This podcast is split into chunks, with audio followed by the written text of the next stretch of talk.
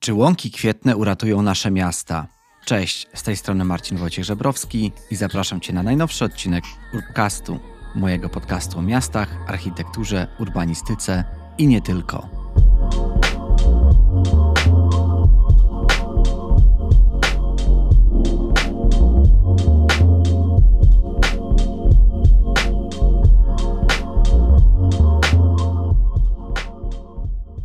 Cześć i dziękuję Ci, że jesteś tutaj w kolejnym odcinku Urbcastu, w którym dalej będziemy kontynuować temat szeroko pojętej bioróżnorodności i takiego projektowania razem z przyrodą, z naturą. I bardzo się cieszę, że ten odcinek, który opublikowałem po polsku dwa tygodnie temu, razem z architektką krajobrazu Joanną Rice, Został bardzo dobrze odebrany, bardzo dużo miłych wiadomości, komentarzy, udostępnień, więc mam nadzieję, że ten odcinek był po prostu dla Ciebie ważny, ciekawy i być może też pomógł Ci w, w takim poszerzeniu swojego spojrzenia na to właśnie, jaka jest ta rola architektów i architektek e, krajobrazu w projektowaniu razem z naturą.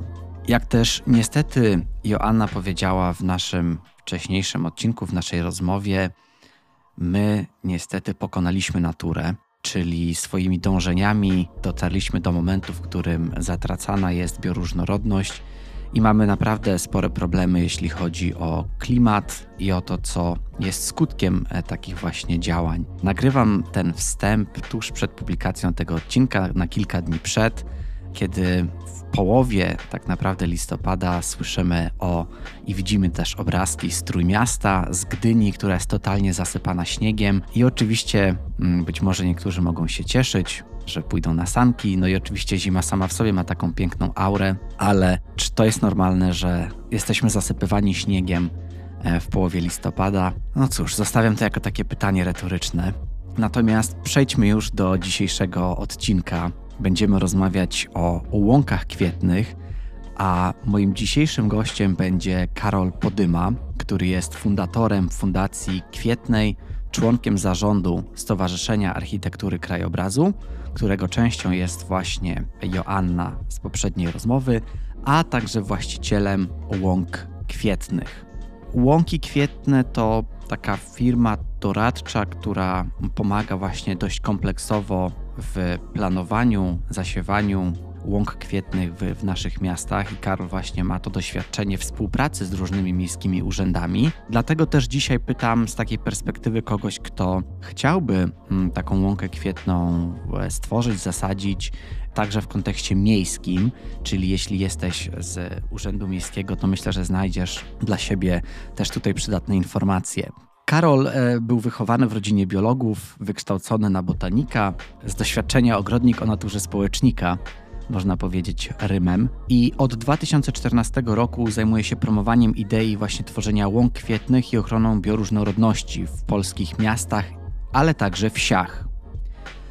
Co ciekawe, właśnie w ciągu kilku lat ta kwietna rewolucja stała się faktem, a łąki zaczęły być wizytówką nowoczesnych miast. Sam pamiętam, jak temat łąk kwietnych pojawił się m.in. w Warszawie i jakie raczej pozytywne opinie ten pomysł zebrał, że może nie wszystko musimy totalnie do linijki projektować, tak, i kosić trawę, tak, że no, kosimy też między innymi tak, tą bioróżnorodność i wszystko musi być takie wymuskane. Nie do końca tak musi być, więc e, o tym też właśnie rozmawiamy w, w tej rozmowie z Karolem i jakie są w ogóle plusy czegoś takiego.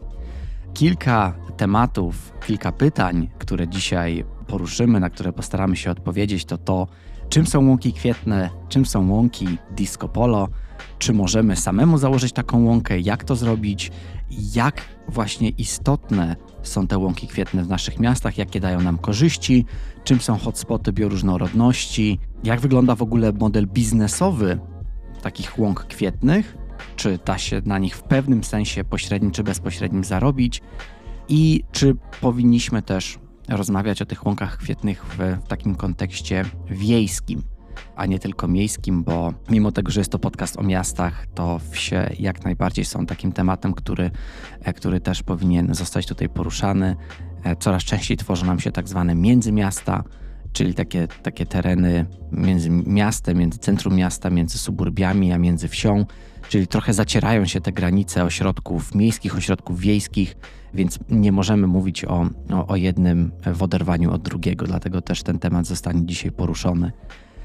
Długi wstęp mi wyszedł, ale mam nadzieję, że z racji tego, że jestem też hostem tego podcastu, to że mogę sobie pozwolić na takie kilka minut własnych refleksji przed tym, jak zaproszę Cię do naszej rozmowy.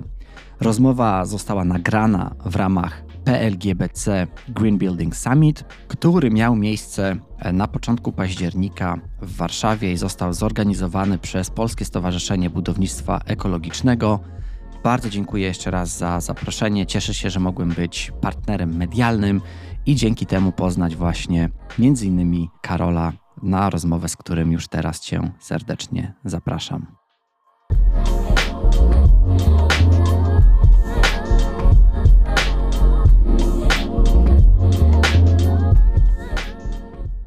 Udało nam się znaleźć moment na to, żeby spotkać się i porozmawiać w ramach tej konferencji, na której jesteśmy, która traktuje o bioróżnorodności nie tylko.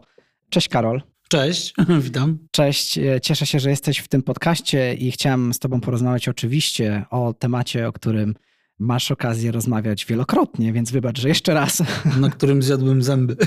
No ale właśnie, jesteś, jesteś ekspertem e, do spraw e, łąk e, kwietnych i chciałem o tym porozmawiać w takim kontekście miejskim, z racji tego, że ten podcast dotyczy urbanistyki, architektury, no i miast przede wszystkim. I ty jednak, mimo tego, że zajmujesz się tematem, który jest blisko związany z przyrodą, naturą, to jednak działasz w takim kontekście miejskim często. Doradzasz różnym miastom w tym, jak właśnie wdrażać takie rozwiązania, które opierają się o łąki kwietne, a w ogóle to z wykształcenia, z zamiłowania pewnie też, jesteś botanikiem, ogrodnikiem, więc skąd u ciebie wzięło się to zainteresowanie właśnie miastami, no i żeby w tej przestrzeni betonowej, tak, często działać. Tak, no chyba to tak wyszło naturalnie, że właściwie to w miastach większość czasu spędzałem. Teraz akurat od dwóch lat mieszkam na terenie wiejskim, co też daje mi troszeczkę inną perspektywę, inne spojrzenie nawet na to, co się dzieje na wsi. Ale miasta były takim naturalnym miejscem, w którym e, jakby podjęliśmy decyzję o tym, że będziemy tam właśnie krzewić tą ideę, no bo tam znajdują się jakby odbiorcy, tam znajdują się mieszkańcy, tam znajdują się ludzie, którzy powinni właśnie łąki świetne poznać i też wywierać jakiś pozytywny wpływ albo w, w jakiś sposób e, działać i, i, wymagać od włodarzy czy nawet polityków tego, żeby chronić bioróżnorodność. No i te łąki to jest tak jakby czysta bioróż, znaczy bioróżnorodność w czystej postaci. Na tym nam właśnie zależało, żeby o tym mówić. Początki były bardzo trudne, bo pojawiały się takie pytania, jak to będziemy chwasty siać w miastach? Przecież to w ogóle nie przejdzie. Pojawiały się takie obawy, że będzie to siedlisko dla szczurów. Nawet dostałem taką odpowiedź z Urzędu Miasta Stołecznego Warszawa od jednej osoby, że jest ryzyko, że będą tam po prostu siedziały szczury. Oczywiście też ryzyko tego, że będą tam śmieci wyrzucać ludzie, takie no bardzo, bardzo przyziemne, no ale też rzeczywiście to, te obawy troszeczkę zostały rozwiane. No i łąki kwietne po paru latach naszej działalności są już e, jakby takim stałym elementem nowoczesnych miast i wpisały mhm. się w krajobraz, chociaż uważam, że powinno być ich więcej, ale niekoniecznie muszą być to łąki zakładane od podstaw, wysiewane, tylko musimy po prostu też zmienić sposób gospodarowania terenami zieleni, ograniczyć po prostu ich pielęgnację która sprowadza się tak właściwie przy trawnikach do regularnego koszenia. Hmm. I ograniczenie takiego koszenia do jednego bądź dwóch koszeń w roku no powoduje to, że ta bioróżnorodność wzrasta na tych terenach. Po prostu pozwalamy roślinom rosnąć, kwitnąć, być zapylanym przez owady i tworzyć nasiona i potem się wysiewać i zagospodarowywać ten teren i, i po prostu tę bioróżnorodność zwiększać. Zanim przejdziemy do tego, jak te łąki e, kwietne pojawiały się w naszych miastach w Polsce, w takich jak e, Warszawa, Katowice czy e, na przykład Kraków, to zastanawia mnie to, czy my możemy jakoś te łąki kwietne zdefiniować, tak? Bo to nie jest tylko trawnik, nie jest to także siedlisko szczurów. Czym są łąki kwietne? Czym są łąki kwietne? No to są zbiorowiska roślinne, bardzo bogate.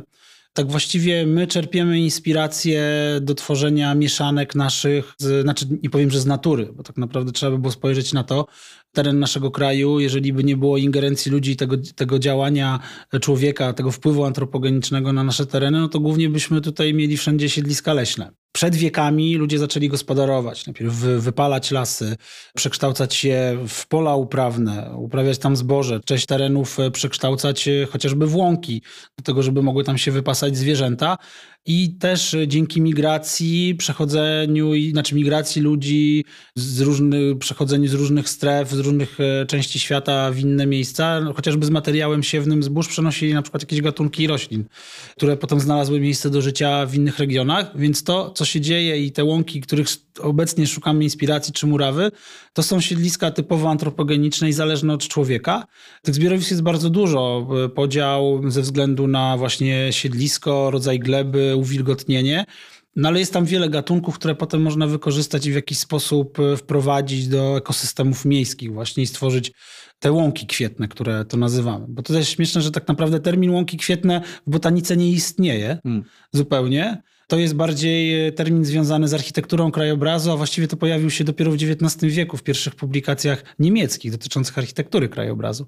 I wtedy te Blumenweisse, nie wiem czy poprawnie to mówię, ale chyba, chyba tak, no to właśnie były te elementy i te łąki, które pojawiły się w przestrzeni, no i miały być tymi elementami takimi ozdobnymi, a teraz już e, stało się to, że są po prostu elementami, które wspierają bioróżnorodność. Mhm. No i oczywiście też w pewnym stopniu zdobią, ale też odbiorcy czasami no, różnie je postrzegają, no bo proces jakby rozwoju łąki też wiąże się z tym, że ona może wyglądać troszeczkę tak w cudzysłowie gorzej, prawda? No ale to jest jakby proces naturalny, który musimy zaakceptować że ona po prostu będzie niekolorowa, wyschnięta, ale to pomaga wtedy tym nasionom się wysiać, dojrzeć, żeby zasilić to zbiorowisko i kontynuować jego, jego rozwój. No tak, wyglądają gorzej, bo wyglądają po prostu naturalnie, tak? Czyli nie są przystrzyżone do jednego centymetra, tak jak to mamy w zwyczaju z naszymi trawnikami. Więc tak, myślę, że jest to ważne, żeby dostrzegać tą naturę w, w, w naszych miastach. Natomiast jeśli chodzi o to, o ten proces powstawania łąki kwietnej, to jak w ogóle zakłada się taką łąkę? Czyli jeżeli dane miasto, na przykład jakiś urząd, czy, czy może jakiś zarządca danego terenu chciałby, żeby taka łąka kwietna powstała na jego terenie i zwraca się do ciebie, do was, to z jaką wiedzą tak naprawdę przychodzicie do takiej osoby, jak taką łąkę tworzycie? To jest bardzo ważne, żeby najpierw zidentyfikować potrzeby, jakie są naszego powiedzmy przyszłego klienta. Czasami są takie sytuacje, no chcemy mieć łąkę, bo łąki są w Krakowie, w Warszawie, a my jesteśmy tutaj może troszeczkę mniejszym miastem, mhm. ale chcemy być w trendzie. Ja też po wielu latach zauważyłem, że tak naprawdę nie ma sensu i nie trzeba dążyć na siłę do tego, żeby taką łąkę stworzyć. Też y, głównie te takie zbiorowiska i łąki, które znamy i te, które tak jakby zachwycają mieszkańców, to są y, łąki tworzone na bazie często gatunków jednorocznych i obcego pochodzenia. My teraz będziemy dążyć do tego, żeby już te obce gatunki, które cieszą oczy i są tymi na Instagrama, są wrzucane albo na jakieś inne media społecznościowe jako takie piękne, zastępować tymi E, łąkami wieloletnimi, e, rodzimymi, na bazie tylko rodzimych gatunków. I to jest bardzo ważne. Ale jak wygląda cały proces? Ktoś sobie wybiera jakieś miejsce urzędnik. E, dobrze jest tam pojechać, obejrzeć to miejsce, czy ono rzeczywiście się nadaje. Może się okazać, no, że na przykład to że tam już istnieje jakieś zbiorowisko nie trzeba za bardzo ingerować i wszystkiego zakładać od nowa, ale to często jest tak, no może lepiej coś tam dosiać. Okej, okay, możemy dla jakby promowania samej idei, innego spostrzegania terenów zieleni w miastach przez mieszkańców, można taką łąkę założyć. My tak nazywamy te łąki kolorowe, które są wykorzystywane w miastach dla uciechy trochę bardziej mieszkańców, takimi łąkami zawodnikami disco polo i myślimy, że trzeba po prostu już to, już to skończyć, ale one wykonały bardzo, bardzo poważną pracę na rzecz właśnie zmiany postrzegania terenów zielonych i ich pielęgnacji, czyli ograniczenia koszenia.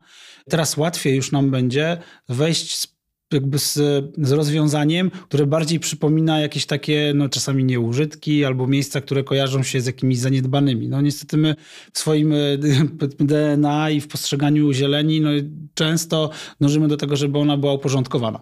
Ale jakby wracając do tego, co zrobić. Często też urzędnicy wybierają takie miejsca, które mają jakiś problem z zagospodarowaniem. Najgorsze jest na przykład wybrać, wybrać miejsce, gdzie na przykład rośnie dużo pokrzywy. Mm. Pokrzywa jest rośliną wskaźnikową, która wskazuje na to, że jest, teren jest bardzo bardzo żyzny.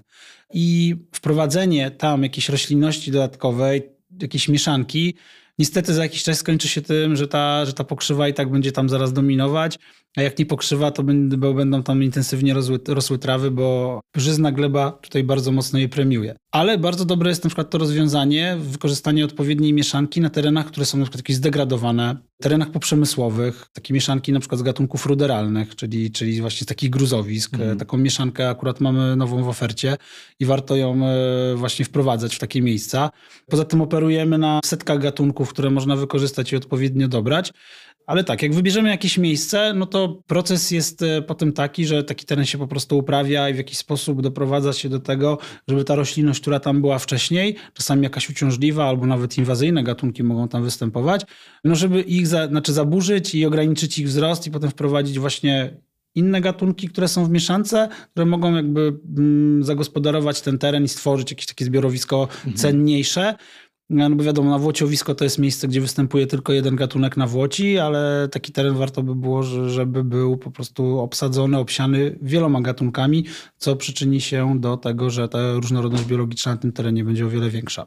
Mhm. No i co właściwie dalej? Po przygotowaniu no, obserwacja i odpowiednia pielęgnacja. Tutaj czasami się dzieją takie rzeczy, że miasta mm, zamawiają łąki, wykonują je, a potem e, jakby pielęgnacja już spada na ich barki, no i często robią to po prostu w sposób e, nieodpowiedni przy użyciu nieodpowiednich urządzeń, e, no bo takimi po prostu dysponują. W przypadku łąk troszeczkę trzeba zmienić sposób gospodarowania takim terenem.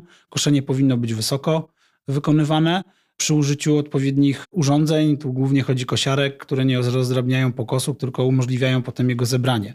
No ale to są takie rzeczy, których my uczymy, które piszemy w różnych specyfikacjach, jak również prowadzimy różne webinary czy właśnie prezentacje w różnych miejscach, żeby tutaj ludzi uczyć tego, jak, jak to wykonywać. No nie jest to żadna kosmiczna technologia. Przez wieki nasi dziadowie tak właśnie gospodarowali łąkami.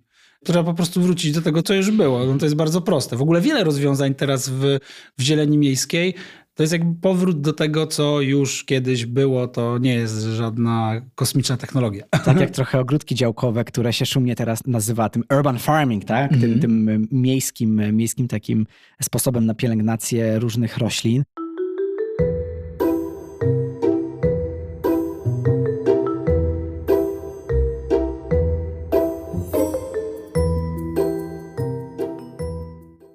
Bardzo zastanawia mnie to, jak wyglądało propagowanie tej idei łąk kwietnych w polskich miastach, bo na pewno się do tego dość mocno przyczyniłeś, bo Fundacja Łąka, którą założyłeś już 8 lat temu, to był e, z tego co wiem, no jeden z takich e, zaczątków tak naprawdę tej dyskusji o, o łąkach kwietnych w polskich miastach. Jak twoim zdaniem my teraz pojmujemy te łąki? Czy to jest już taka wiedza bardziej powszechna? Bo ja pamiętam, że to było tak naprawdę tylko kilka lat temu, gdzie widziałem między innymi na przykład Stowarzyszenie Miasto jest Nasze w Warszawie, które postulowało o niekoszenie ogólnie traw, o to, żeby zostawiać te łąki, żeby one zaczęły się pojawiać w miejskim krajobrazie. Czy mógłbyś właśnie zdradzić trochę kulis tego promowania, wprowadzania do, do miejskiego dyskursu tematu łąk? Chciałbym tylko zaznaczyć na wstępie, że zacząłem jakby w 2014 roku e, z łąkami. Projekt rzeczywiście Fundacji Łąka to był projekt, który wspólnie z moim bratem wystartowaliśmy. Obecnie jakby działamy niezależnie. Ja jestem teraz no, związany z, z Łąkami Kwietnymi, czyli z moją firmą i z Fundacją Kwietna, która powstała przy tej inicjatywie Łąk Kwietnych.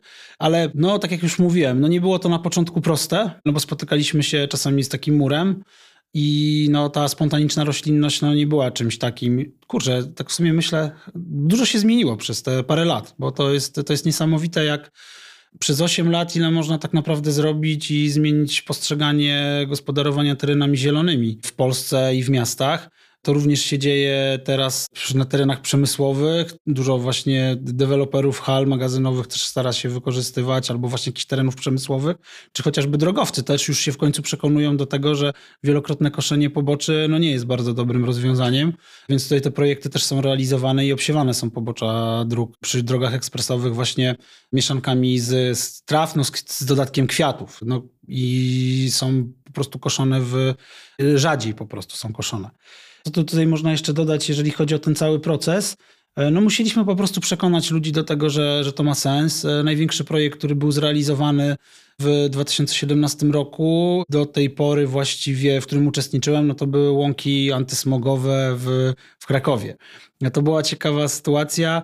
Pojawił się artykuł na, na ten temat, że właśnie Kraków będzie walczył ze smogiem przy pomocy zieleni i po prostu rzucono hasło łąki kwietne. No to niewiele czekając, znalazłem tutaj kontakt do osoby, która to powiedziała i mówię, no to kurczę, no to może trzeba zrealizować ten projekt, skoro to powiedzieliście. No i tak od słowa do słowa zostało to opisane, no i te 10 hektarów łąk w Krakowie powstało przy naszej pomocy no byliśmy jakby jedynym podmiotem, który jakby wystartował do tej, do tej realizacji. No i zrobiliśmy to, no była to niezła nauka, jak nazywam to takie płatne praktyki, ale dużo się bardzo wtedy nauczyliśmy. No i tak naprawdę y, mimo tego, że od 2017 roku minęło już dużo czasu, no to każdy rok, każdy sezon to jest dla mnie nauka, więc staram się mimo tego, że wypełniam dużo różnych obowiązków y, promowania tej idei, lubię po prostu być e, przy realizacji i lubię potem widzieć, jak funkcjonuje dane, dany projekt, który zrealizowaliśmy, ze względu na to, że jest to dla mnie wspaniała nauka, chociażby odpowiedniego doboru gatunków do danego stanowiska. I dzięki temu potem możemy tworzyć coraz lepsze mieszanki i znajdować coraz lepsze i coraz bardziej ekonomiczne rozwiązania do tego, żeby implementować i wprowadzać te, no, te sztuczne zbiorowiska tak naprawdę, mm. związane z naturą, ale, ale sztuczne, no bo są jakby zakładane przez, przez ludzi ludzi, ale tutaj co to jest bardzo ważne, że to, że w danym miejscu powstaje łąka kwietna, to jest tak naprawdę moment, w którym zmienia się gospodarowanie na tym terenie. Bo my wprowadzamy jakieś gatunki, ale tak naprawdę za parę lat to zbiorowisko może zupełnie inaczej wyglądać, bo akurat może ono pasować zupełnie innej puli, znaczy może nie zupełnie innej, bo niektóre gatunki zostaną, ale powiedzmy wykorzystamy 40, zostanie 10, ale oprócz tego pojawią się zupełnie inne gatunki, które naturalnie gdzieś w banku nasion się znajdowały, albo zostały przywiane z wiatrem, albo jakiś ptak może je przyniósł. Więc e, tu najważniejsze jest to, żeby zmienić sposób gospodarowania tym terenem i on potem będzie funkcjonował tak, że będzie przynosił właśnie korzyści związane chociażby z retencją wody, kumulowaniem dwutlenku węgla, zwiększaniem bioróżnorodności, nie wiem, wyłapywanie pyłów komunikacyjnych czy różnych takich korzyści, których no nie daje hmm. trawnik w tym miejscu. Wiem, że słuchają mnie osoby z różnych środowisk. Cieszę się, że jest to środowisko bardzo zróżnicowane, różnorodne, bo są to nie tylko studenci, studentki, osoby, które się zajmują tą tematyką miejską, jak i też się nią nie zajmują, ale są to też osoby, które, no właśnie, są w urzędach miasta i które podejmują pewne decyzje. Dlatego chciałem się Ciebie zapytać o takie kulisy procesu właśnie wdrażania, zakładania takiej łąki kwietnej w, w mieście. Wymienialiśmy już e, przykład łąk antysmogowych w Krakowie. Czy mógłbyś właśnie na przykładzie, czy tego procesu, czy może jakiegoś innego powiedzieć też właśnie na czym to polega i jakby o czym warto pamiętać z perspektywy osoby, która chciałaby założyć taką łąkę kwietną? Mhm. No, no ważne jest tutaj, żeby odpowiednio dobrać, zinwentaryzować ten teren, zobaczyć co się na nim dzieje, dobrać odpowiednio mieszankę, no, wykonać badania gleby, żeby rozpoznać jakie jest chociażby pH, zawartość składników pokarmowych. To jest ważne. Wykonując zdjęcie fitosocjologiczne już możemy wiedzieć na przykład w jakim kierunku to zbiorowisko będzie podążać, bo jeżeli to będzie wielokrotnie koszony trawnik, no to wiadomo, znaczy trawnik, y, będą jakieś gatunki dwuliścienne, które już mogą nam wskazać jakiś kierunek i będziemy wiedzieć jakie gatunki mogą się dobrze czuć w tym towarzystwie, ale nie były one w stanie zaistnieć na tym terenie ze względu na to, że był ten teren golony parę razy w roku ale są gatunki jakby wskaźnikowe, które mogą pokazać to, jaki kierunek powinniśmy obrać. No potem podjęcie decyzji o tym, e, jaki sposób e, uprawy tam wykonać. Czy tutaj trzeba by było usunąć na przykład wierzchnią warstwę gruntu, bo na przykład są gatunki inwazyjne, czy wystarczy po prostu jednokrotna albo dwukrotna uprawa gruntu.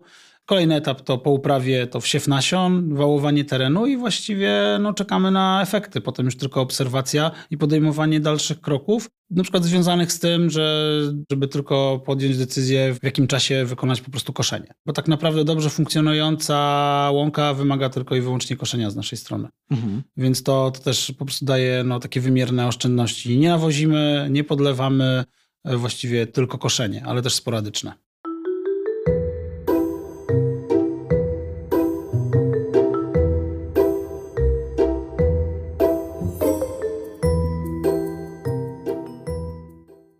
Jakie tak naprawdę oprócz tego, co, co teraz wymieniłeś, jeszcze mają zalety właśnie łąki kwietne? Bo oczywiście mówimy tutaj o mikroklimacie, o oszczędnościach, tak, że natura, której pozwalamy po prostu rosnąć, to jest najlepsza inwestycja, bo tak naprawdę nie musimy tak dużo w to inwestować, a jakby zyski są e, właśnie bardzo duże. Użyłeś wcześniej na mm, panelu, którego byłeś częścią takiego super sformułowania, które, które zapamiętam jak hotspoty bioróżnorodności. tak, tak, to jest taki termin troszeczkę z angielskiego i z polskiego. Może powinienem użyć innego terminu, ale myślę, że to bardzo fajnie, fajnie odpowiada, no i tak przykuwa uwagę. No, hotspoty, no wiadomo, no, to jest coś gorące jakieś miejsce i to jest właśnie, i tak naprawdę jest. Na mojej powierzchni możemy stworzyć miejsce do życia dla wielu gatunków roślin, a co za tym idzie wielu gatunków y, zwierząt. Głównie owadów, o których właśnie tutaj wspominałem, jeżeli chodzi o ten panel dyskusyjny, ale to tak właśnie jest. To, to dla owadów, które mają bardzo ciężkie życie obecnie, zmiany klimatu, chemizacja rolnictwa, też niszczenie siedlisk naturalnych, na których one występują, więc często w miastach po prostu te miejsca stają się takimi miejscami, gdzie mm, takimi trochę rezerwatami przyrody, gdzie one mogą funkcjonować. I rzeczywiście nawet niewielkie łąki już przyciągają różne gatunki e, zwierząt, głównie, głównie owadów. Trzeba pamiętać o tym, że w Polsce mamy samych pszczół około 480 gatunków, no i potrzebują one po prostu miejsca, miejsca do życia. Wiele z tych gatunków jest zagrożonych wyginięciem. E, więc no, powinniśmy te siedliska tworzyć albo je, je zabezpieczać. Poza tym bardzo ważnym aspektem są tutaj po prostu te oszczędności finansowe z ograniczonego koszenia, jak również to, w jaki sposób łąki są zbudowane. I to, że mają takie rozbudowane systemy korzeniowe, sięgające nawet paru metrów w głąb gleby, powoduje to, że o wiele są bardziej odporne na niekorzystne warunki środowiska, chociażby długotrwałe susze. Są w stanie po prostu czerpać wodę z głębszych e, pokładów, z, no, z, tych, e, z tych miejsc, gdzie na przykład trawniki nie są w stanie już e, tej wody czerpać.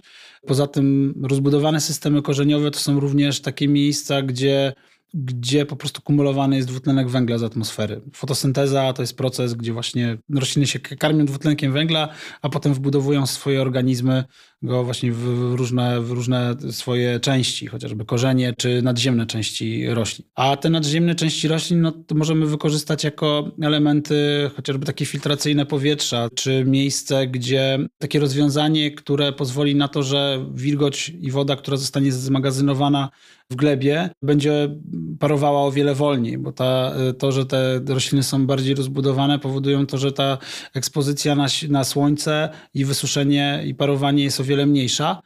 E, no to też to jest, to jest bardzo ważne, jeżeli chodzi o właśnie systemy korzeniowe, to jest to, że łąki mogą przyjąć o wiele więcej wody niż trawniki, nawet do, do 2,5 raza więcej wody co też ma duże znaczenie, jeżeli chodzi o retencję wody w miastach i na przykład ulewne deszcze, które często nas teraz coraz częściej nas nawiedzają. Czyli trawniki nie wystarczą, jeśli chodzi o retencję wody i właśnie nawiedzające nas powodzie. Tak, oczywiście, no, trawniki nie wystarczą, tak samo nie wystarczą łąki. No, do tego jest mhm. potrzebna cała niebiesko-zielona infrastruktura, no, w postaci chociażby chociażby ogrodów deszczowych. No na pewno to dobrze znasz. E, Kopenhaga jest miejscem, gdzie ta zielona, niebieska infrastruktura jest, e, to jest, no to jest miejsce, które no, przykładowe, jak, jak można, jak powinno się właśnie gospodarować wodą w mieście. Ale też się musieli tego nauczyć, bo no. z, z, dostali dość mocno po, po kościach, że tak powiem. tak przez tą powódź, tak, która nawiedziła Kopenhagę w roku 2011. Też ostatnio właśnie w podcaście pojawił się, tak, pojawiła się rozmowa z Kamilem Jawgielem o właśnie powodziach błyskawicznych i Kopenhaga jest tego dobrym przykładem, ale też tego, jak wyciągać wnioski, tak? Mhm. No właśnie, tutaj wyciągnięte zostały wnioski. No, y,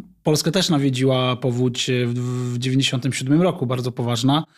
No i tak nie do końca widzę, czy te wnioski zostały wyciągnięte. E, może nie było wtedy inspiracji do tego, żeby rozwiązać e, takie problemy. Zobaczymy, teraz ma się pojawić serial na, na Netflixie. Tak, właśnie czekam, czekam, czekam. Chyba już nie wiem, czy już nie było nawet premiery, ale, ale to, e, to na pewno będę z wielkim zainteresowaniem go obejrzę, bo no, recenzje jak na, jak na razie no, są bardzo ciekawe i jeżeli będzie pokazany właśnie proces i ten, no może nie doświadczymy tego, nikt na pewno nie będzie mówił, a może zróbmy ogrody deszczowe, żeby, żeby zapobiec czemuś, tak, czy, czy, czemuś takiemu w przyszłości, ale myślę, że można będzie ten serial podawać, znaczy podawać jako przykład tego, że powinniśmy zapobiec takim przypadkom. No niestety będziemy się z tym borykać coraz częściej. No i ta zielona-niebieska infrastruktura no, jest jakby tutaj ratunkiem, e, znaczy właściwie no, zapobieżeniem pewnym skutkom zmian klimatu, no bo e, myślę, że jakby ciężko już nam będzie odwrócić je, ale musimy po prostu się przygotować do tego, że to, to będzie coraz częstsze po prostu. Mhm. No ale właśnie jeszcze oprócz jeszcze ogrodów deszczowych, takimi ciekawymi rozwiązaniami są chociażby lasy kiszonkowe, które można wprowadzać. Zielone dachy to też element zielono-niebieskiej infrastruktury, więc tych rozwiązań inspirowanych naturą i ekosystemami jest bardzo dużo. No tylko to, co jest ważne, żeby właśnie do tych rozwiązań stosować naturalne chociażby materiały i rodzime gatunki roślin, które najlepiej będą przystosowane do, do warunków panujących w naszym kraju. Mhm. Twoja dobra znajoma ze Stowarzyszenia Architektury Krajobrazu, Joanna Rajs, która też była częścią tego podcastu, powiedziała, że natura robi dużo rzeczy za darmo i też e, e, tutaj to, to dość mocno wybrzmiewa. Dlatego porozmawiajmy jeszcze o takim biznes, e, biznes modelu, tak? o modelu biznesowym łąk czy można na nich zarobić. I mam tutaj na myśli zarówno perspektywę waszą, jako takiego dostawcy całego, zarówno samych łąk, nasion, ale też jakby dostawcy takiego, tak jak wcześniej mówiliśmy, know-how, ale także z perspektywy miast, czyli zarządców tak, terenów e, miejskich, jak właśnie ten, ten biznes model w ogóle może wyglądać? Oczywiście mm, łąki kwietne, da się na nich zarobić w perspektywie no, firmy czy organizacji, którą, którą prowadzimy, ale chcemy troszeczkę też zmienić sposób, znaczy dostarczamy nasiona, dostarczamy know-how, też wykonujemy te łąki. No to jest to, to dzięki czemu się utrzymujemy, ale naszym też bardzo ważnym zadaniem jest po prostu pokazywanie to, że nie, nie zawsze trzeba wydać pieniądze na to, żeby stworzyć łąkę, można po prostu zmienić sposób gospodarowania. To jest to od razu są czyste oszczędności, tak naprawdę, bo wpuszczając osoby, które są w stanie rozpoznać potencjał danego miejsca, i stwierdzą to, że tak naprawdę czasami trafiam na takie miejsca, które po prostu już łąką są, prawda, czy łąką. No, są zbiorowiskiem, które nie jest trawnikiem, ale jest ono bogate gatunkowo. Trzeba tylko wytłumaczyć niektórym, że wy już macie gotowe rozwiązanie, to tutaj nic nie trzeba robić, a właściwie już możecie na początku zaoszczędzić, bo tylko teraz przejdźcie z pięciokrotnego koszenia na dwukrotne koszenie i zobaczycie, że za 2-3 lata będzie tych roślin coraz więcej.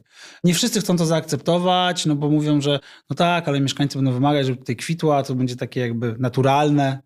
No tak, naturalne, ale najtańsze, bo, bo, to, bo to jest coś, co już tam samo się pojawiło i te gatunki, które tam właśnie funkcjonują, są najbardziej dostosowane do, do tych warunków, które tam panują, więc ten potencjał e, wykorzystajmy. Ja wiem, do czego, do czego dążyła Joanna, bo ona jest na przykład przeciwnikiem tworzenia e, łąk na siłę i ja też tego się uczę, chociaż wiem, że to troszeczkę może być strzał w kolano, jeżeli chodzi o mój biznes, ale rzeczywiście, tak żeby być, być w zgodzie z samym sobą, Trzeba po prostu uczyć ludzi tego, że nie zawsze powstawanie e, jakby łąk i cennych zbiorowisk roślinnych w mieście musi się wiązać z jakąś inwestycją. Właściwie możemy od samego początku generować oszczędności, bo po prostu nie będziemy tam wjeżdżać kosiarką. I to jest, i to jest super. I to jest e, coś, co my chcemy właśnie pokazywać ludziom. I dlatego też chcemy stworzyć jakby grono albo taką koalicję która będzie właśnie pomagała w tym, żeby racjonalnie same rozwiązania i idee łąk kwietnych wprowadzać i implementować w miastach. To nie musi się koniecznie wiązać z jakimiś kosztami inwestycją ze strony e, mhm. urzędów, a wiem, że no jakby ciężkie czasy przed nami i trzeba będzie po prostu jeszcze szukać oszczędności, a tutaj możemy te oszczędności po prostu generować od samego początku. No i tak to, to, to, będzie, to będziemy robić. E, chcemy bardziej doradzać i tutaj może po prostu musimy troszeczkę przejść w tą stronę, żeby po prostu na, na doradztwie zacząć może zarabiać, a niekoniecznie na, na wykonywaniu łąk i szkolić ludzi i wyszukiwać naprawdę jest sporo osób w miastach, aktywistów, nawet specjalistów, e, botaników, którzy mogliby pomóc, żeby właśnie e, miasta uczyć. A ja nawet e, ostatnio rozmawiałem właśnie z urzędnikami na ten temat, że potrzebna jest taka jakby instytucja, która mówi roboczo miejskiego kosiarza. Czyli osoby, która będzie mogła objąć swoim umysłem, czasami to będzie ciężkie, bo to są duże obszary, ale tych obszarów właśnie takiej niskiej roślinności jest bardzo dużo w miastach, żeby mogła to objąć umysłem i wskazać miejsca, gdzie powinniśmy w różny sposób gospodarować, prawda? Czyli na przykład w tym miejscu kosimy raz. W tym miejscu kosimy dwa razy, a w tym miejscu ze względu na to, że to jest, nie wiem, bardziej reprezentacyjne, czy to jest miejsce, nie wiem, przy drodze, gdzie może wyższa roślinność ograniczać widoczność, podjąć decyzję o, o częstszym koszeniu. Ale właśnie takie racjonalne i nie wykonywanie tego zabiegu po prostu na całym obszarze miasta będzie miało wymierne korzyści. Po pierwsze, mniej hałasu, to, to kosiarki to wiadomo, szczególnie kosy spalinowe, mniej spalin, no, czyli mniejsze zużycie paliw kopalnych, mniej dwutlenku węgla, no a poza tym no, wzbogacanie przestrzeni miast. No i tutaj ta, w tym kierunku uważam, że to powinno pójść. No i powinniśmy, i to też e, wybrzmiewało ostatnio na konferencji, którą e, organizowaliśmy, pozwolić na zarastanie, prawda? Na, Mhm. na jakby taki naturalny proces, który no, na natura te rozwiązania już nam sama daje. Oczywiście przy tym zaburzonym środowisku, które jakby stworzymy i które no jakby zaburzyliśmy to różne procesy, no są takie problemy jak na przykład związane z gatunkami inwazyjnymi. To też powinniśmy brać pod uwagę, chociaż już wiele osób mówi o tym, że nie powinniśmy jakby walczyć z tym procesem. No ja jestem jakby przeciwnego zdania. Uważam, że, no, że gatunki inwazyjne to jest duży problem. No, czasami bardzo ciężka jest z nimi walka, w niektórych przypadkach jest bardzo prosta, chociażby z nowocią kanadyjską. Wystarczy wykonywać dwukrotne koszenie w sezonie i nie będziemy mieli z nią problemu. A jeżeli nie będziemy tego koszenia robić, no to będziemy mieli takie pustynie ekologiczne, gdzie będzie tylko ten jeden gatunek występował. I wcale to nie jest prawda, że to jest super pożytek dla pszczół, bo to też e, często wybrzmiewa, no, że taki gatunek, no to pszczoły korzystają, taki pyszny jest nawłociowy e, miód, ale musimy spojrzeć na to, że to jest gatunek, który kwitnie bardzo późno i pszczoły jakby zbierają ten pożytek i czasami nie jest z korzyścią dla nich. No ale to są takie różne, takie różne, różne aspekty już jakby dodatkowe.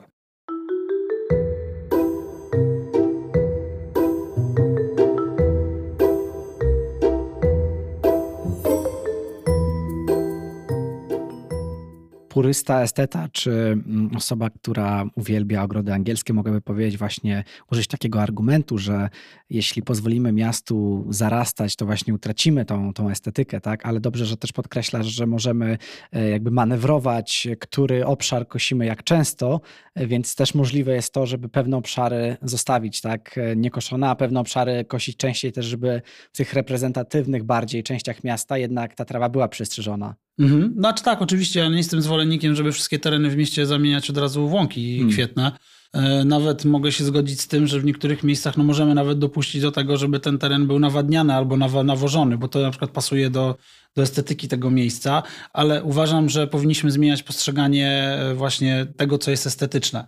Niestety jesteśmy przyzwyczajeni do tego, ja to nazywam takim syndromem trochę dynastii, serialu z lat 90., który właśnie moim zdaniem kształtował trochę postrzeganie może jakby samego życia i przestrzeni, no, do nawet zielonej. Tam nawet w czołówce tego serialu pojawiają się takie właśnie ogrody, przystrzyżone trawniki, zraszacze podlewają i to wszystko.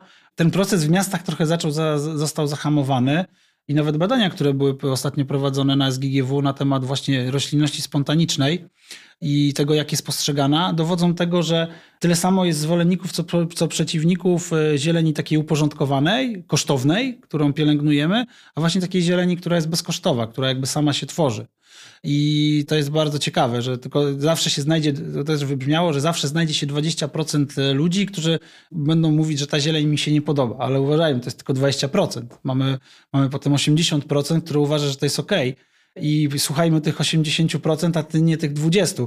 Ale właśnie urzędnicy niestety, jakby wracając do tego, co się może wydarzyć, najbardziej boją się obecnie, jak widzę, mediów społecznościowych. Tego, że ktoś źle się wypowie na temat utrzymania terenu i dlatego czasami mają takie obawy właśnie, że te, no, te łąki nie wyglądają tak atrakcyjnie i pojawia się ktoś, kto będzie męczył i dzwonił, że skoście i to jest taki, czasami taki argument, że no były takie ładne, a teraz nie, no i ci mieszkańcy tak się denerwują, no ale to jest właśnie te kilka procent, do których powinniśmy się przyzwyczaić, no ale, no ale właśnie ta obawa przed mediami społecznościowymi, obsmarowaniem w internecie, no jest tutaj mhm. dużą motywacją do tego, żeby czasami nawet zaniechać, zaniechać tego dobrego nawyku ograniczenia koszenia. Ale może w tym przypadku mogą pomóc badania, bo też wspomniałeś o badaniach SGGW i to jest taki ostatni wątek, który chciałbym jeszcze poruszyć, czyli czy wy w jakiś sposób też badacie, tak, jak wpływa zasianie właśnie, założenie takiej łąki kwietnej w mieście pod kątem też, też pewnych liczb, tak, czy procentów, czy dysponujecie takimi badaniami, czy robicie je może sami, czy no właśnie, no bo myślę, że to jest taki dość mocny argument, tak, mhm. do przekonania do tych łąk. No, no, zwracamy się nawet do, do włodarzy miast i osób gospodarującymi, do gospodarujących terenami zielonymi, jakie korzyści przyniosło właśnie ograniczone koszenie. Niestety do tych zarządów zieleni, do których się zwróciliśmy, nie uzyskujemy takich informacji ze względu na to, że po prostu oni jakby tego nie analizują. Ale właśnie, no to jest chyba jakby informacja taka, bardziej nas motywuje do tego, żeby poznać właśnie te, te wyniki. I czy rzeczywiście, znaczy wiadomo, że to przy, no, przynosi korzyści i ograniczenie koszenia, no to jest mniej po prostu wydanych pieniędzy na, na, na pielęgnację. Ale też są, no ale na przykład y, możemy sprawdzić to i, i policzyć ilość owadów występujących w tych miejscach. No i takie badania są, są prowadzone. przez uczelnie. My do tych badań docieramy, mamy te informacje. I to jest bardzo ciekawe, że właśnie na, na, na UJ były prowadzone takie badania na łąkach, które zakładaliśmy w Warszawie i wyszło, że największa różnorodność owadów była w miejscu, gdzie jest największy ruch, czyli na ulicy Wawelskiej w Warszawie. I tam było po prostu, to było zaskakujące dla, dla Kasi, która prowadziła te, te badania, że właśnie w miejscu tak mało przyjaznym, gdzie właściwie uznaje się ulicę Wawelską za najbardziej nieprzyjazne miejsce z największym, zawsze tam jest korek ale właśnie w takim wąskim pasie drogowym tych owadów było bardzo dużo. Oczywiście zaraz się pojawią takie informacje i tam ekolodzy i biolodzy, niektórzy będą tutaj krzyczeć, że ja ich rozumiem. Też czas, czasami mnie to zastanawia i czy rzeczywiście jest prawda, no, że to się stają takie pułapki, że tworzone są takie pułapki ekologiczne w pasie drogowym. Oczywiście, może się tak zdarzyć, że te owady rzeczywiście będą ginęły, ale jakby bilans tutaj troszeczkę jest zawsze na plus, chociaż ostatnio prowadziłem taką rozmowę z biologiem środowiskowym, który twierdził, no, że chociażby w przypadku trzmieli tutaj matki mogą ginąć i to rzeczywiście możemy jakoś zaburzać.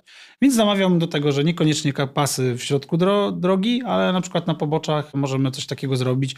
Nie wiem, parki, jest mnóstwo przestrzeni w mieście, gdzie możemy gdzie możemy to robić. No ale właśnie, te badania, jakieś analizy są prowadzone prawda? Nie przez, przez, różne, przez różne podmioty.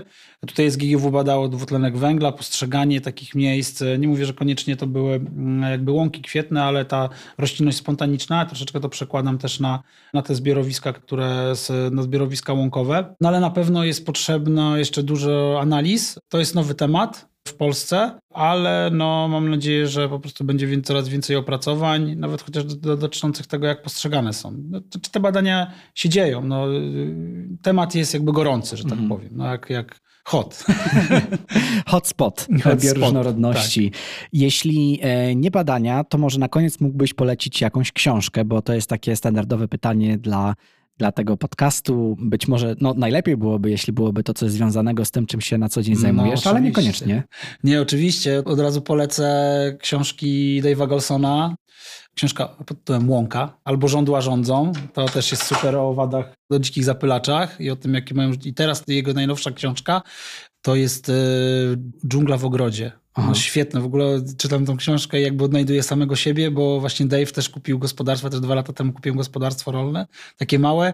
Nasza jakby przygoda jest bardzo podobna, bo to co pierwsze zrobił to posadził sad owocowy, ja też zrobiłem sad owocowy i w ogóle tworzymy na tym małym obszarze, na którym gospodarujemy naszego kwietnego gospodarstwa, które tak to nazywamy, właśnie miejsce, które ma być takim wzorcowym miejscem pokazującym jak można właśnie pomóc przyrodzie na terenach wiejskich, bo tak jak to jest bardzo ciekawe, a czy ciekawe i trochę przerażające, że tereny wiejskie stają się bardzo nieprzyjaznymi miejscami do życia dla owadów ze względu i różnych organizmów, czy to ptaków. Tam jest spadek największy bioróżnorodności ze względu na monokultury, chemizację rolnictwa, a nawet to, że, że mieszkańcy wsi dążą do właśnie tego, żeby ich przestrzeń koło domu była taka uporządkowana, trawnik albo jakieś kamyki wysypane, taka bezobsługowa. I to jest, to jest takie trochę przerażające, a my chcemy pokazać, jak te, te, niby te mieszczuchy, które się sprowadziły do, na wieś, pokazać to, że no, musimy po prostu takie tworzyć enklawy. I jeszcze jedna bardzo fajna książka polskiego autora Łukasza Łuczaja, Dziki Ogród. Wspaniała publikacja, wspaniała książka. Jedna trzecia książki poświęcona jest właśnie łąkom kwietnym i Łukasz, Łukasz Łuczaj, tu ukłony dla niego, że to on tak naprawdę rozpoczął całą przygodę i krzewienie idei łąk kwietnych w Polsce. To już będzie ile? Prawie 20 lat temu. Zbierając nasiona i tworząc swoje mieszanki, on był takim propagatorem łąk. I teraz pojawiła się no, wspaniała publikacja o dzikim ogrodzie, jak go tworzyć, jakie gatunki wykorzystywać jakie gatunki sadzić, e, jak pielęgnować taki ogród, no i jak e, zakładać łąki, jak je pielęgnować. Dzięki wielkie za te e, wspaniałe polecenia. Ja jeszcze od siebie chciałem takie jedno dorzucić. Nie wiem, czy kojarzysz taką książkę Darwin Comes to Town.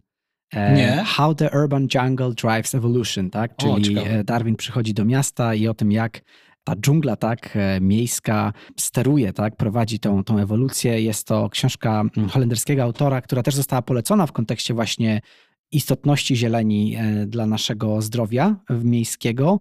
Dopiero tą książkę e, zacząłem, także nie mogę jej e, jakby opisać i w całości polecić, ale na pewno jest to też coś interesującego w tym temacie, także takie jedno krótkie polecenie ode mnie, więc myślę, że na koniec nam się stworzyła taka mała biblioteczka poświęcona temu tematowi.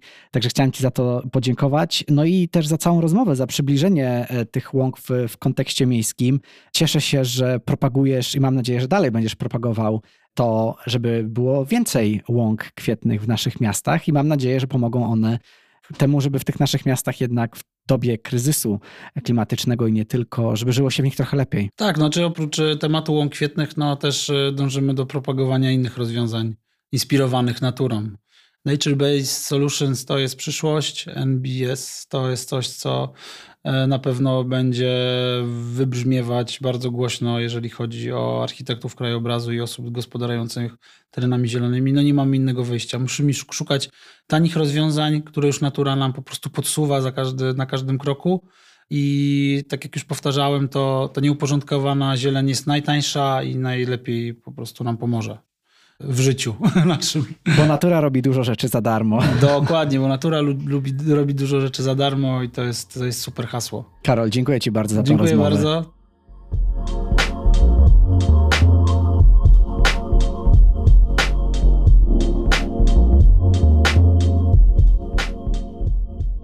Dzięki wielkie za wysłuchanie tej rozmowy z Karolem i mam nadzieję, że wiesz już do kogo teraz możesz się udać, jeśli potrzebujesz więcej informacji na temat łąk kwietnych, zarówno jako entuzjasta, entuzjastka, ale także jako osoba, która być może chce sama taką łąkę założyć.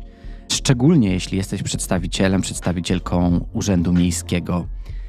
Jeśli masz jakiekolwiek pytania, śmiało możesz napisać do Karola. To daję link do jego profilu i jego strony w opisie tego odcinka. Dodaję też linki do książek. A jeśli ten odcinek dostarczył Ci wartość, będę wdzięczny, jeśli będziesz współtworzyć ten podcast razem ze mną, wspierając Urbcast dowolnie przez siebie wybraną kwotą na Patronite. Dzięki i do usłyszenia.